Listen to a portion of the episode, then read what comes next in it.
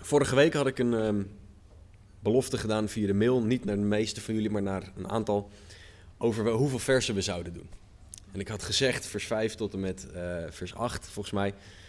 En ehm, dat was niet gelukt. We hebben vorige week vers 5 en 6 gedaan, mijn excuses daarvoor. Ehm, ik denk wel dat het goed was, ik denk dat God het geleid heeft, maar vandaag zullen wij de studie oppakken in Romeinen hoofdstuk 8. We zullen vers 7 tot en met 10 gaan doen. Dus ik ga een volgende poging wagen om vier versen te doen.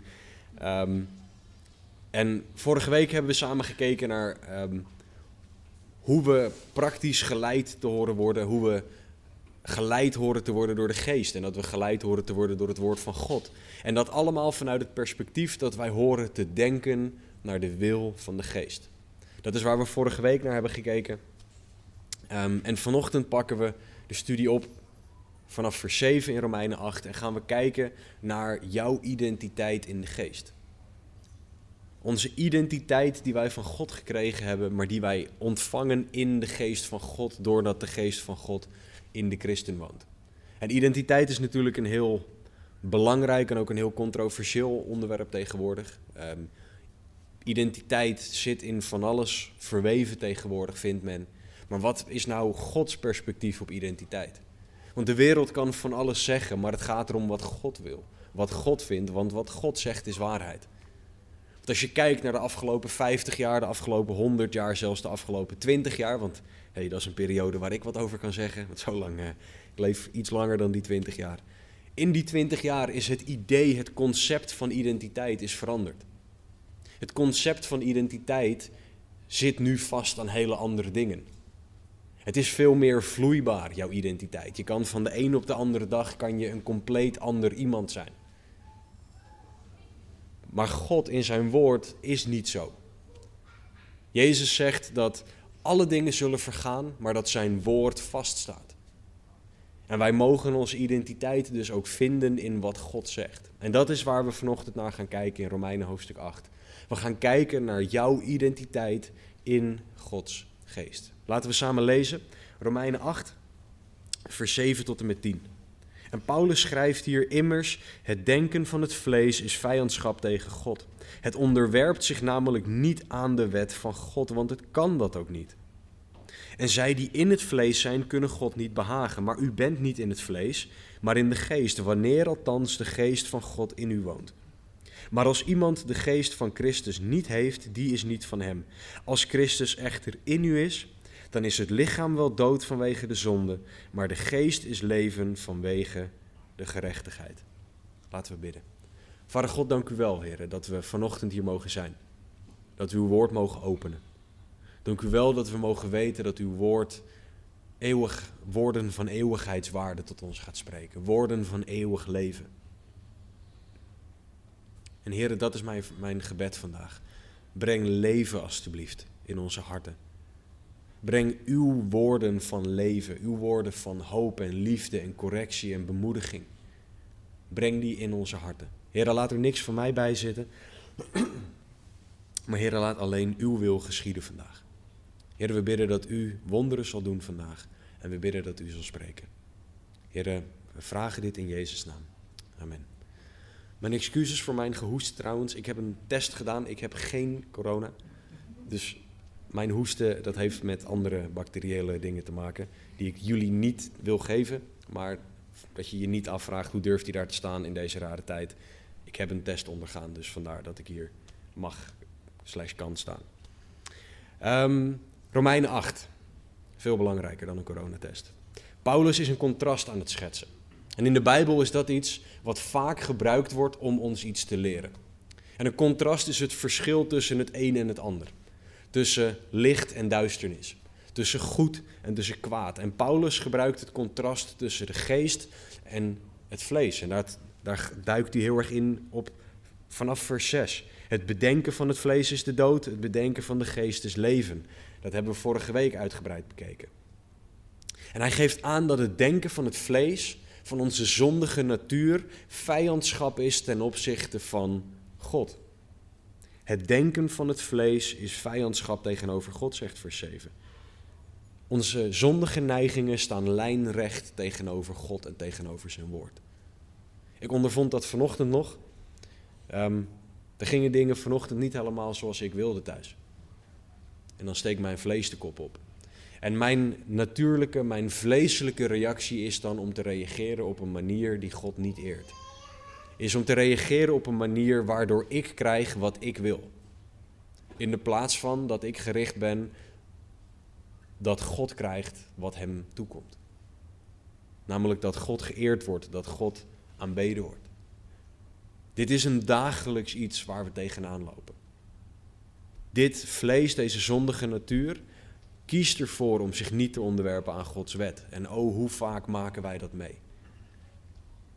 Ons vlees is niet in staat om geestelijke dingen te doen. Om liefdevol te reageren op een manier die God als liefdevol ziet. Om met de ander om te gaan zoals God wil dat wij met de ander omgaan. Ons vlees is daar, zegt het woord van God, compleet niet toe in staat. Niks van eeuwigheidswaarde. En het woord van God zegt dat niet om een soort ja, depressieve situatie te schetsen. Om een soort doemscenario te schetsen, want het woord geeft juist ook het contrast. De, datgene wat het wel kan, namelijk geleid door de geest, door de geest leven.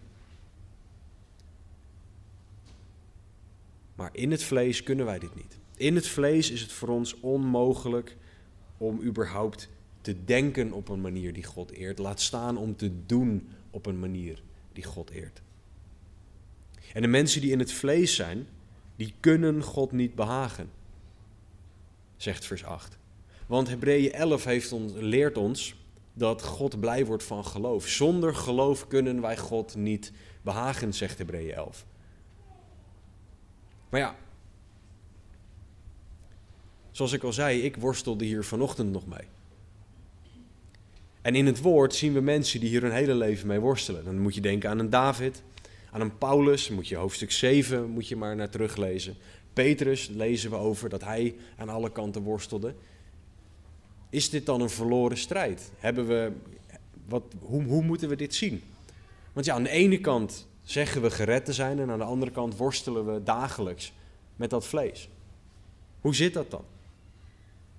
Galaten 5, vers 24 en 25 leert ons het volgende. Maar wie van Christus zijn, hebben het vlees met zijn hartstochten en begeerten gekruisigd. Als wij door de geest leven, laten wij dan ook door de geest wandelen. En het, denken dat wij horen te hebben, het denken van de geest, is dat wij ons vlees moeten kruisigen. Maar ja, wat betekent dat nou? Dat is weer christelijk jargon. Het is, het is een, een bijbelse waarheid, dus daar kunnen we niks aan afdoen. Maar wat betekent het en hoe doe je dit nou? Want als wij willen leven op, op, op Gods manier, als wij heilig willen leven, Romeinen 8 gaat over heiliging, meer worden als Christus. Als we dat praktisch willen maken, dan moeten we begrijpen hoe dit werkt. En niet alleen maar christelijk jargon naar elkaar gooien. Hoe waar dat jargon ook is. We moeten begrijpen hoe dit werkt. En daarom heeft God ons in Romeinen 6, vers 11 verteld hoe we dit moeten doen. Paulus schrijft daar: Zo dient ook u uzelf te rekenen als dood voor de zonde, maar levend voor God in Christus Jezus, onze Heer.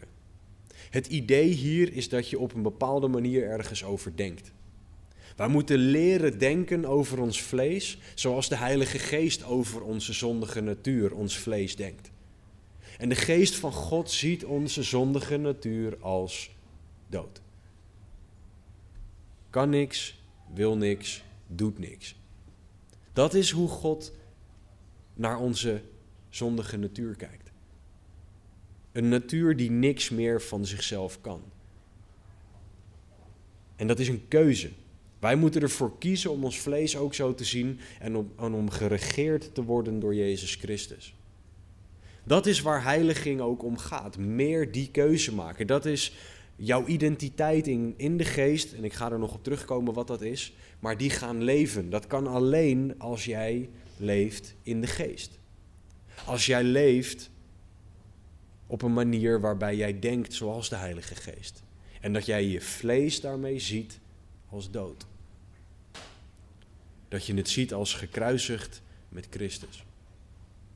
En gewoon heel eerlijk, dit is een, niet alleen een dagelijkse keuze. Dit is een keuze van moment tot moment.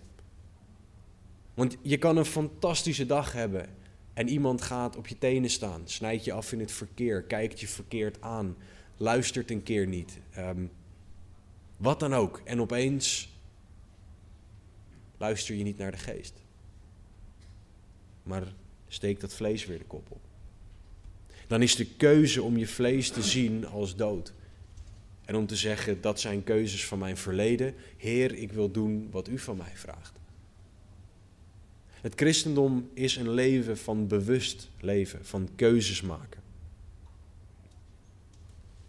Maar ja, keuzes van moment tot moment, ook daarin heel eerlijk, dat is gewoon moeilijk. En technisch gezien is het voor ons onmogelijk. God zet ons hier niet voor het blok. God zegt niet: Dit is het, heel veel succes, ik zie wel of je het redt. God laat ons hier niet alleen. Want het kan voelen als een verloren strijd tegen je vlees. Het kan voelen als moeilijk, als pijnlijk. Het kan vermoeiend zijn. Je kan je afvragen: is dit het wel waard? Waarom zou ik het proberen? Heeft het überhaupt wel zin? Is er wel overwinning mogelijk? En gelukkig geeft God daarop het antwoord. 1 Korinthe 15, vers 57 zegt: God zij dank die ons de overwinning geeft door onze Heere Jezus Christus. We hoeven de strijd met ons vlees, met onze zondige neigingen niet zelf aan te gaan. Niemand van ons gaat het kunnen winnen. Niemand is slim, sterk en zich continu bewust genoeg van zichzelf om dit te kunnen. Maar God zij dank die ons de overwinning geeft door onze Heer Jezus Christus. Naar de Romeinen verwoordt Paulus het als volgt in Romeinen 8, vers 37. Maar in dit alles zijn wij meer dan overwinnaars. Door Hem die ons heeft liefgehad. Het is zo mooi dat Paulus hier steeds een woordje gebruikt. Door, en dan is het iemand anders. Hij zegt niet door je eigen kracht, maar door Jezus Christus. In God is er overwinning. Dit is wie God is voor ons. Dat we in Hem overwinning mogen ontvangen. In Hem is er overwinning. In de strijd, in de pijn, in de moeite, in het verdriet. In Hem mogen we elke dag overwinning vinden. En te veel christenen zitten vast in Romeinen 7. De Romeinen 7, waarbij het is wat ik niet wilde, doe ik wel en wat ik wel wilde, doe ik niet. Te veel christenen zitten vast in die strijd, maar komen leven niet naar de overwinning die er in Romeinen 8 aan ons gepredikt wordt. In de geest, door Jezus Christus. Dus hoe moet je overwinning ontvangen? Hoe kan je overwinnen? Ga met alles naar Jezus toe. Bid in elke situatie. Heer, ik kan nu niet goed reageren. Ik heb uw hulp nodig. Heer, ik weet niet hoe ik nu moet reageren. Leid mij. Ik weet niet wat ik moet zeggen, God. Geef me uw woorden alstublieft. Heer, ik snap niet wat er nu gebeurt. Geef me wijsheid. We mogen met alles naar Jezus toe gaan. Omdat wij door Jezus Christus gered zijn.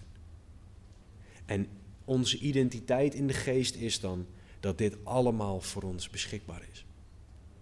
Een onderdeel van jouw identiteit is dat God zegt: Kom maar. Ik heb dit allemaal voor jou. Ren naar God toe. Ren naar Jezus toe. Want er is overwinning door onze Heere Jezus Christus. De enige manier van overwinning over het vlees. Paulus gaat verder in vers 9. Maar u bent niet in het vlees, maar in de geest, wanneer althans de geest van God in u woont. Maar als iemand de geest van Christus niet heeft, die is niet van hem. Nou, vers 9 kan heel intimiderend voelen. Het kan voelen alsof Paulus zegt: Dat als je zondigt, zelfs al is het maar één keer, dat je dan in het vlees leeft. En als je in het vlees leeft, heb je de geest niet. En als je de geest niet hebt, ben je niet gered. Dus zegt Paulus hier nou dat iedereen die één keer zondigt in zijn leven, dat die in het vlees leeft en daarmee dus niet gered is? Nou, het antwoord is nee. Want we hebben net Romeinen 7 bestudeerd, waarin Paulus zegt dat hij worstelt met zonde. Dus zou de schrijver dan van dit stuk over zichzelf zeggen dat hij niet gered is?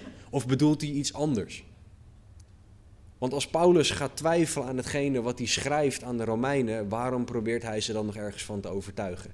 Dat wordt een beetje een heel ingewikkeld verhaal om dan nog te begrijpen hoe die brief in elkaar zit. Romeinen 8 is heiliging vanuit Gods perspectief. En God ziet dingen in contrast. Het is het een of het is het ander. Het is niet een beetje van magie en een beetje van jezelf. Het is niet met één been in de wereld en met één been in het koninkrijk van God. Het is wel of niet. En daarom, God ziet of geest of vlees.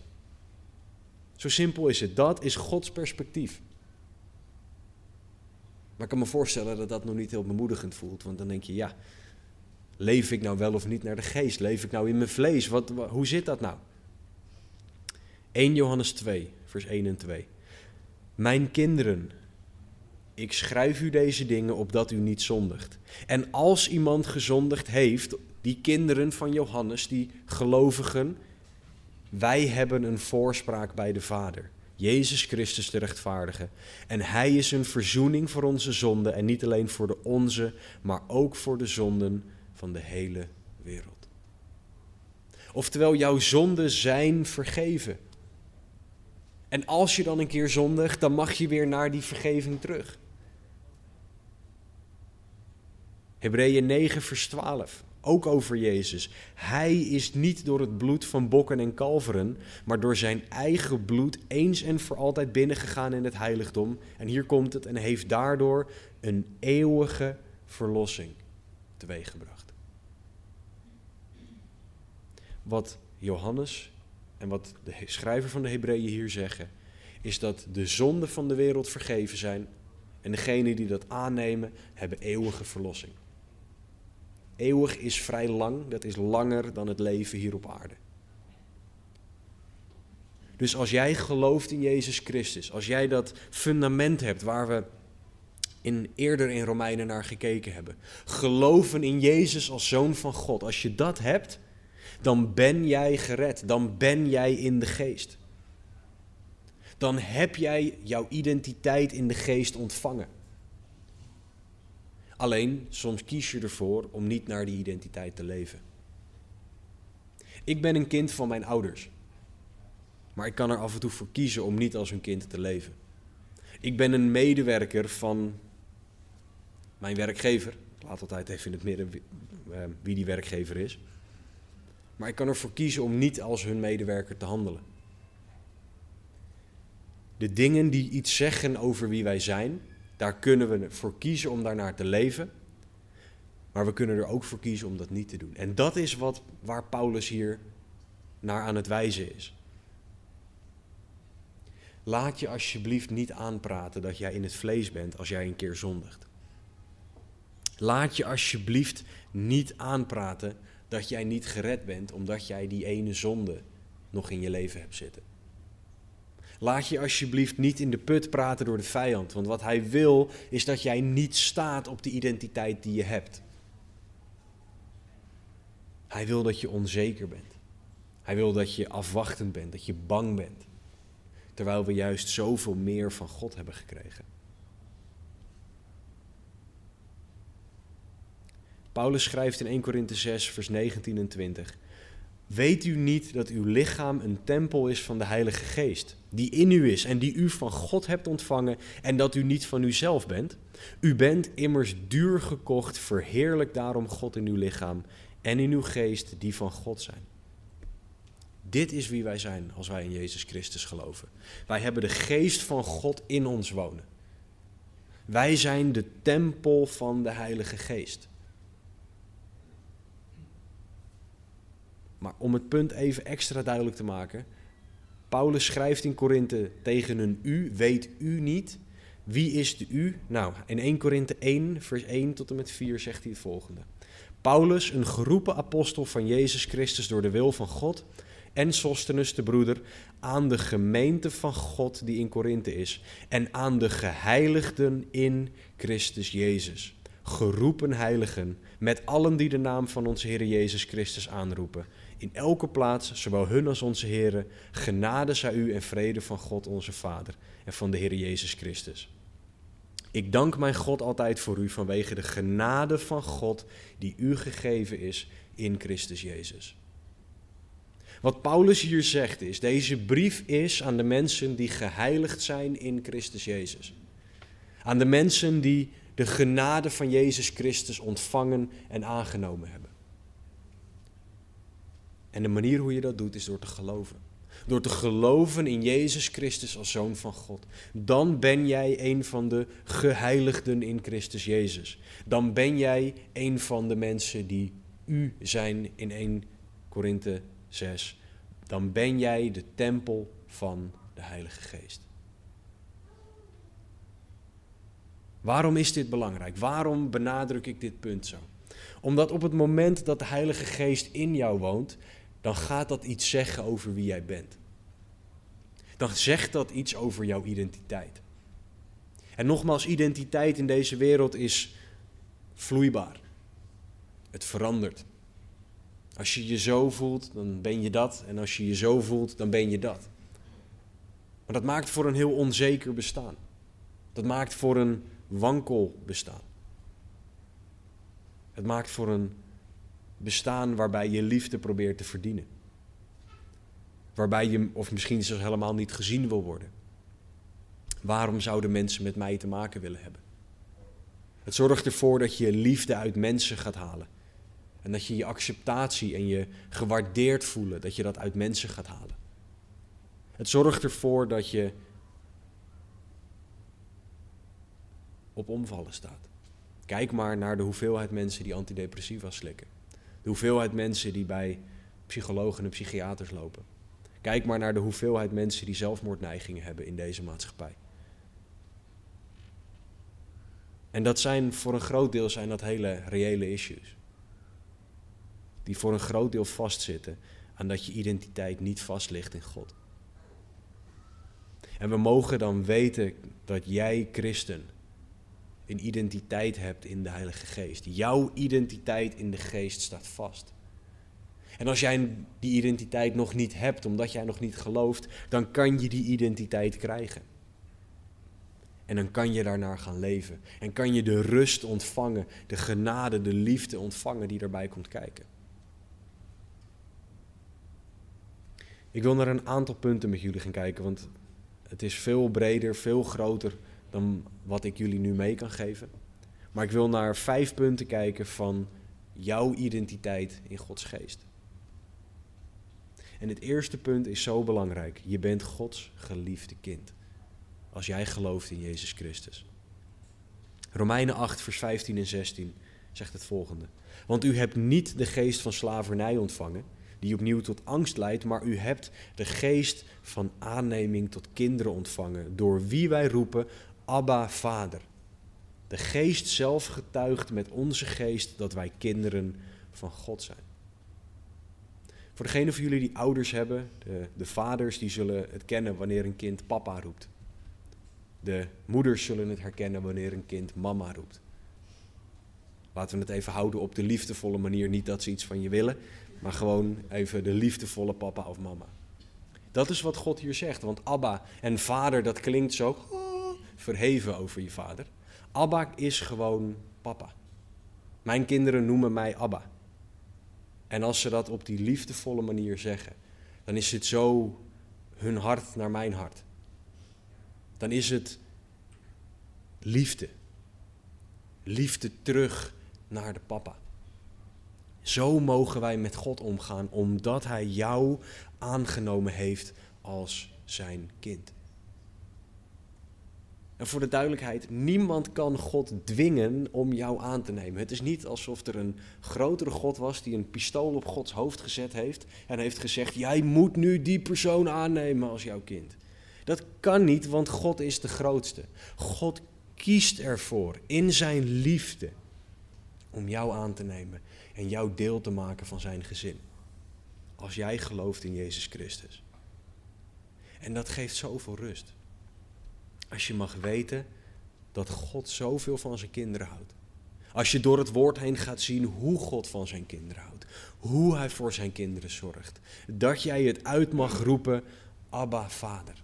En dat je gewoon papa tegen de Heere God mag zeggen.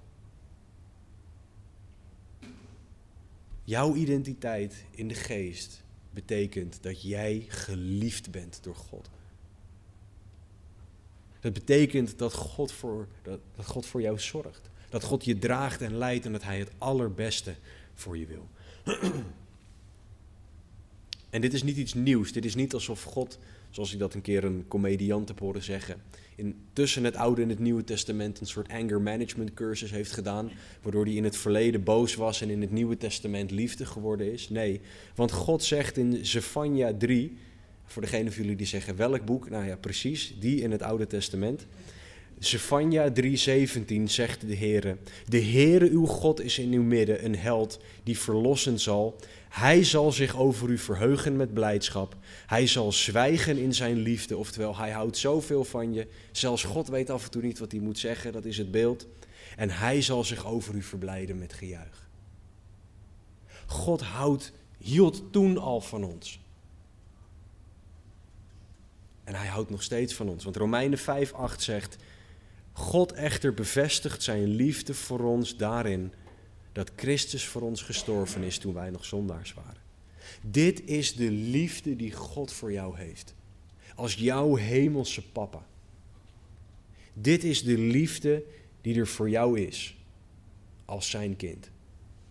En liefde die jij mag beantwoorden door te geloven in Jezus en daarnaar te leven. Die liefde is er altijd voor jou. Altijd, ongeacht wat je gedaan hebt, ongeacht waar je vandaan komt. Die liefde is er voor jou. Jij bent een geliefd kind van God als jij gelooft in Jezus Christus als zoon van God. Niet alleen ben je geliefd, je bent ook een nieuwe schepping. 2 Korinthe 5:17 zegt daarom, als iemand in Christus is, is hij een nieuwe schepping. Het oude is voorbij gegaan, zie alles is nieuw geworden. We hoeven niet meer gedefinieerd te worden door ons verleden. We hoeven niet meer bepaald te worden door wat ons overkomen is, door wat ons aangedaan is, door wat we zelf gedaan hebben, door de dingen die we wel hebben meegemaakt of de dingen die we juist niet hebben meegemaakt. We zijn vrij van ons verleden. Zo kunnen we juist leven en we kunnen gericht op de toekomst leven. Paulus die schrijft, vergetend wat achter mij is, strek ik mij uit naar wat voor mij is. Dat kan omdat Paulus een nieuwe schepping was geworden. Dat kan jij, zo kan jij leven als jij een nieuwe schepping in Christus bent. En als jouw identiteit bepaald wordt door de geest van God. Je kan dan leven gericht op God in de plaats van op wie jij was. En dat geeft zoveel rust. Want je kan niks hebben meegemaakt in je leven, in het verleden. En je kan alles hebben meegemaakt in je verleden. Als iemand in Christus is, is hij een nieuwe schepping. Het oude is voorbij gegaan. Er staan geen punten en komma's bij, geen connotaties van God waarbij hij zegt: ja, maar alleen als je voldoet aan criterium 28b en je formulier 15c hebt ingevuld. Nee, iedereen die in Christus is, is een nieuwe schepping. Voor iedereen die in Christus is, is het oude voorbij gegaan. Ongeacht wat je wel en niet hebt meegemaakt. Alles is nieuw geworden. Door het werk van Gods geest ben jij een nieuwe schepping. En dat is Gods definitieve, vaststaande statement over jou. Als jij gelooft in Jezus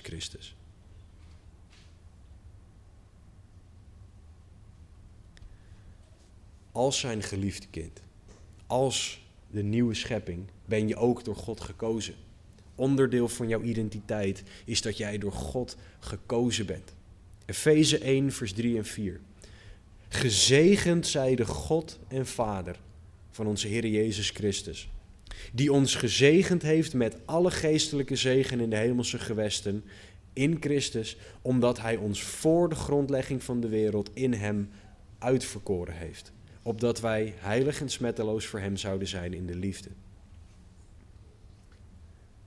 Het maakt niet uit of jij op school bij het, bij het gimmen als laatste gekozen bent. Het maakt niet uit of jij op school bij het gimmen niet gekozen bent en dat je in een team gestopt werd omdat je moest, omdat je mee moest doen. Het maakt niet uit of mensen jou wel of niet kiezen. Het maakt niet uit of de vijand jou kiest. God heeft jou gekozen. En Jeremia 1 leert dat God jou zelfs voor je geboorte gekozen heeft.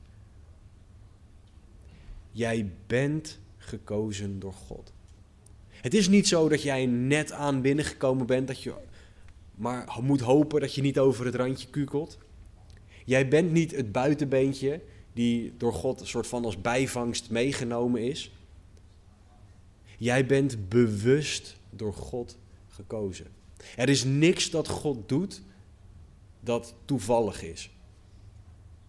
Dus het is niet zo dat God op een dag wakker werd en dat hij dacht: wat heb ik nou weer aan mijn broek hangen? Hoe is die nou weer bij mij terechtgekomen?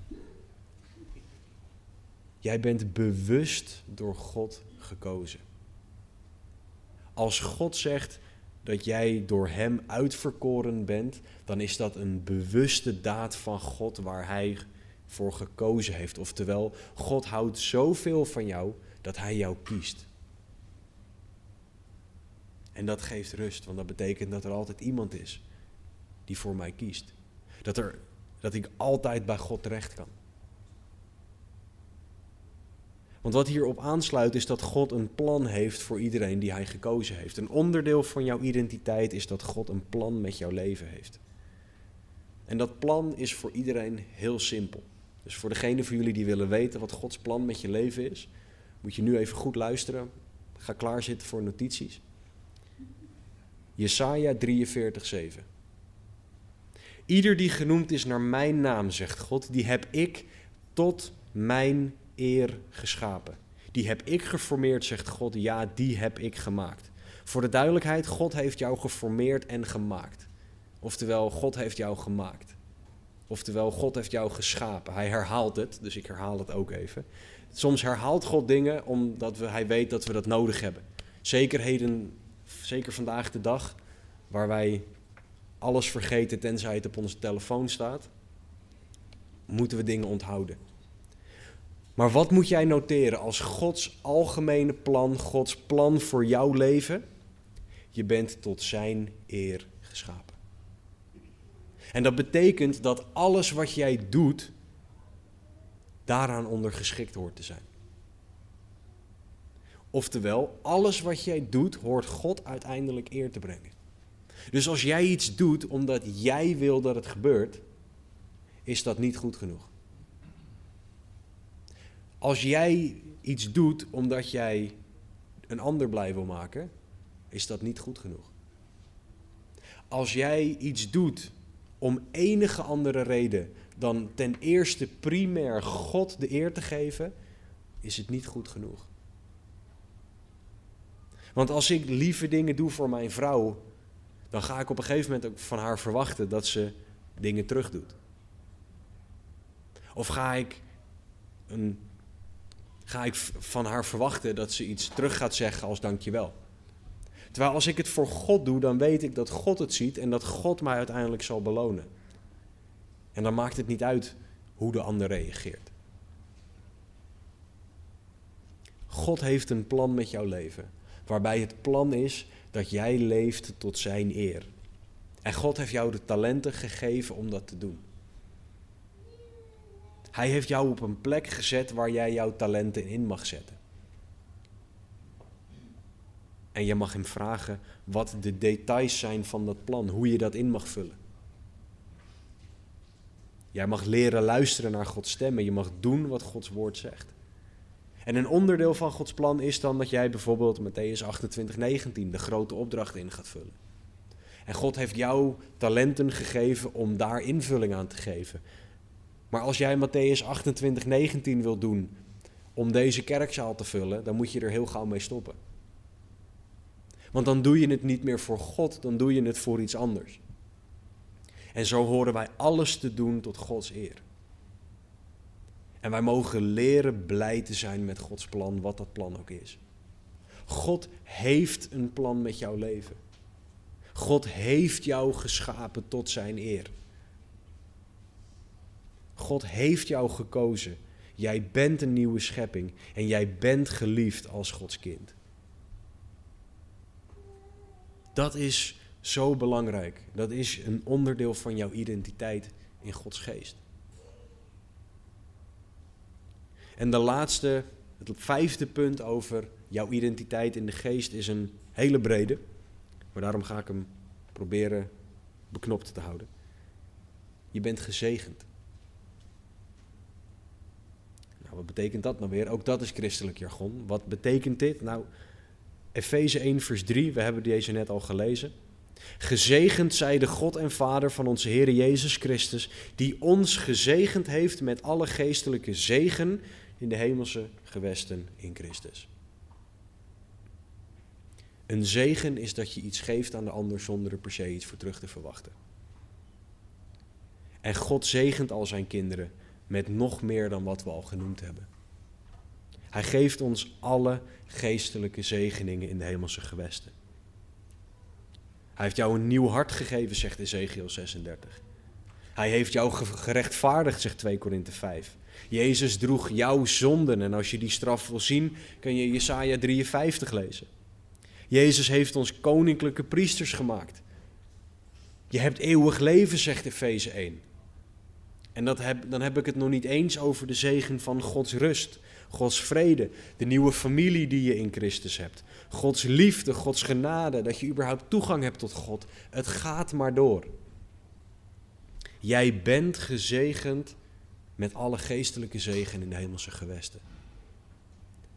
Oftewel, jij krijgt van God alles dat je nodig hebt voor jouw geest en voor jouw ziel. En God zal jou ook alles geven dat je nodig hebt voor je lichaam. Maar God geeft ons vooral wat onze geest en onze ziel nodig hebben. Dit is hoe gezegend jij bent, christen. Gezegend met alle geestelijke zegen in de hemelse gewesten. Dus je, het kan niet dat jij iets tekort komt in Christus. Want je bent met alle geestelijke zegen gezegend. Dus je mag daarmee naar God toe gaan. Heer, u zegt in uw woord dat ik gezegend ben met alle geestelijke zegen. En toch voel ik alsof ik wat tekort kom. Heer, laat me zien wat het is. De vijand wil dat jij gelooft dat je er alleen voor staat. De vijand wil dat jij op een manier over jezelf denkt die flexibel is. Op een manier over jezelf denkt waarbij jij bepaalt, of waarbij de, jouw omgeving bepaalt wie jij bent. Waarbij de dure kleren die je aan hebt, de sieraden en de, de juwelen die je aan hebt, dat die bepalen. Je salaris bepaalt jouw identiteit. Maar God zegt iets anders. God zegt: Ik heb jou een identiteit gegeven. Jouw identiteit in de geest staat vast. En dat geeft rust. Want dan hoef je niet zelf een identiteit te gaan maken of erachter te komen of te voelen op een juiste manier. Nee, je mag gaan vinden hier wat jouw identiteit is in het onwankelbare, onfeilbare, onveranderlijke woord van God. En dit is allemaal alleen mogelijk, vers 10, doordat Jezus voor ons gestorven is. Als Christus echter in u is, dan is het lichaam wel dood vanwege de zonde, maar de geest is leven vanwege de rechtvaardigheid. Paulus zegt hier, doordat Jezus voor ons gestorven is, doordat we zijn rechtvaardigheid hebben ontvangen, dan kunnen wij leven alsof ons lichaam, onze zondige natuur dood is. dan kunnen wij deze nieuwe natuur, deze nieuwe identiteit kunnen wij leven. Doordat Jezus voor ons gestorven en opgestaan is. En wat heel belangrijk is, is dat Paulus hier alle focus, alle eer en alle glorie aan God geeft. Want alleen God kan levend maken. Alleen Christus kan ons zijn rechtvaardigheid geven. Hebreeën 13:12 zegt: Daarom heeft ook Jezus, om door zijn eigen bloed het volk te heiligen, buiten de poort geleden. 2 Korinthe 5 zegt nog dat wij gerechtvaardigd zijn in Christus. En dat is wat wij mogen ontvangen. Dat is wat jij mag ontvangen in Christus. En dat is wat mag betekenen dat jij jouw identiteit in Gods geest mag gaan leven.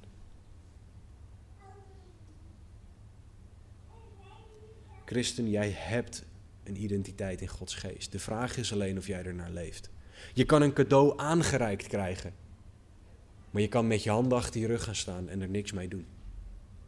En dan jezelf afvragen: waarom heb ik het niet? En boos worden: waarom heb ik het niet? En teleurgesteld worden: waarom heb ik het niet? Maar zolang jij het niet aanneemt van God en er iets mee gaat doen, blijft het een cadeau dat je alleen nog maar gegeven wordt. En niet een cadeau waar jij al mee aan de slag gaat. Neem deze identiteit aan. En leer leven naar jouw identiteit in Gods geest. Vanochtend vieren we Heilig Avondmaal. Wat betekent dat wij vieren, wat we dankbaar zijn dat Jezus Christus voor ons gestorven en opgestaan is.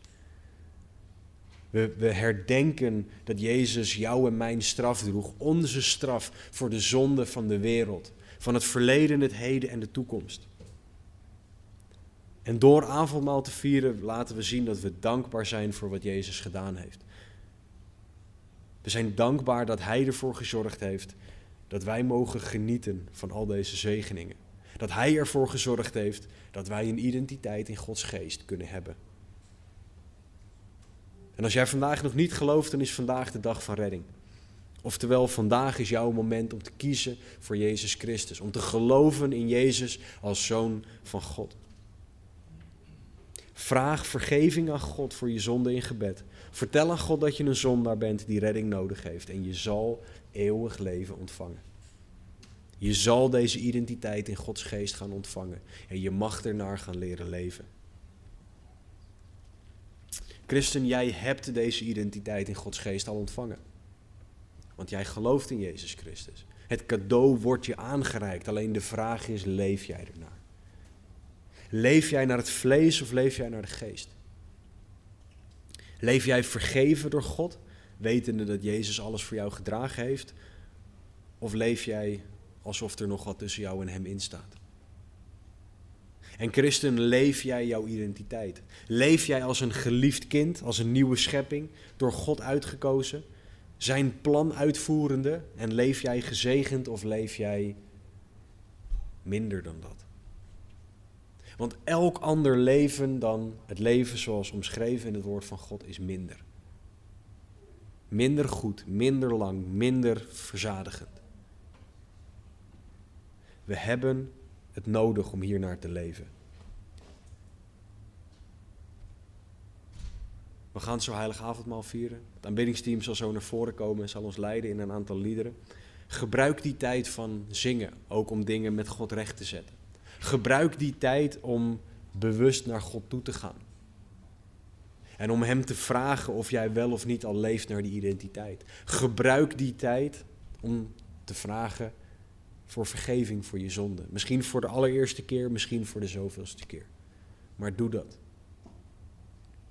Wij hanteren geen lidmaatschap of eisen die, waar je aan moet voldoen voordat je avondmaal mee mag doen. Het is tussen jou en God of jij daadwerkelijk gelooft in Jezus Christus. Dus voor iedereen die een relatie met Jezus Christus heeft, die gelooft in Jezus Christus als zoon van God, is het avondmaal open. En over avondmaal is in Marcus 14 het volgende gezegd.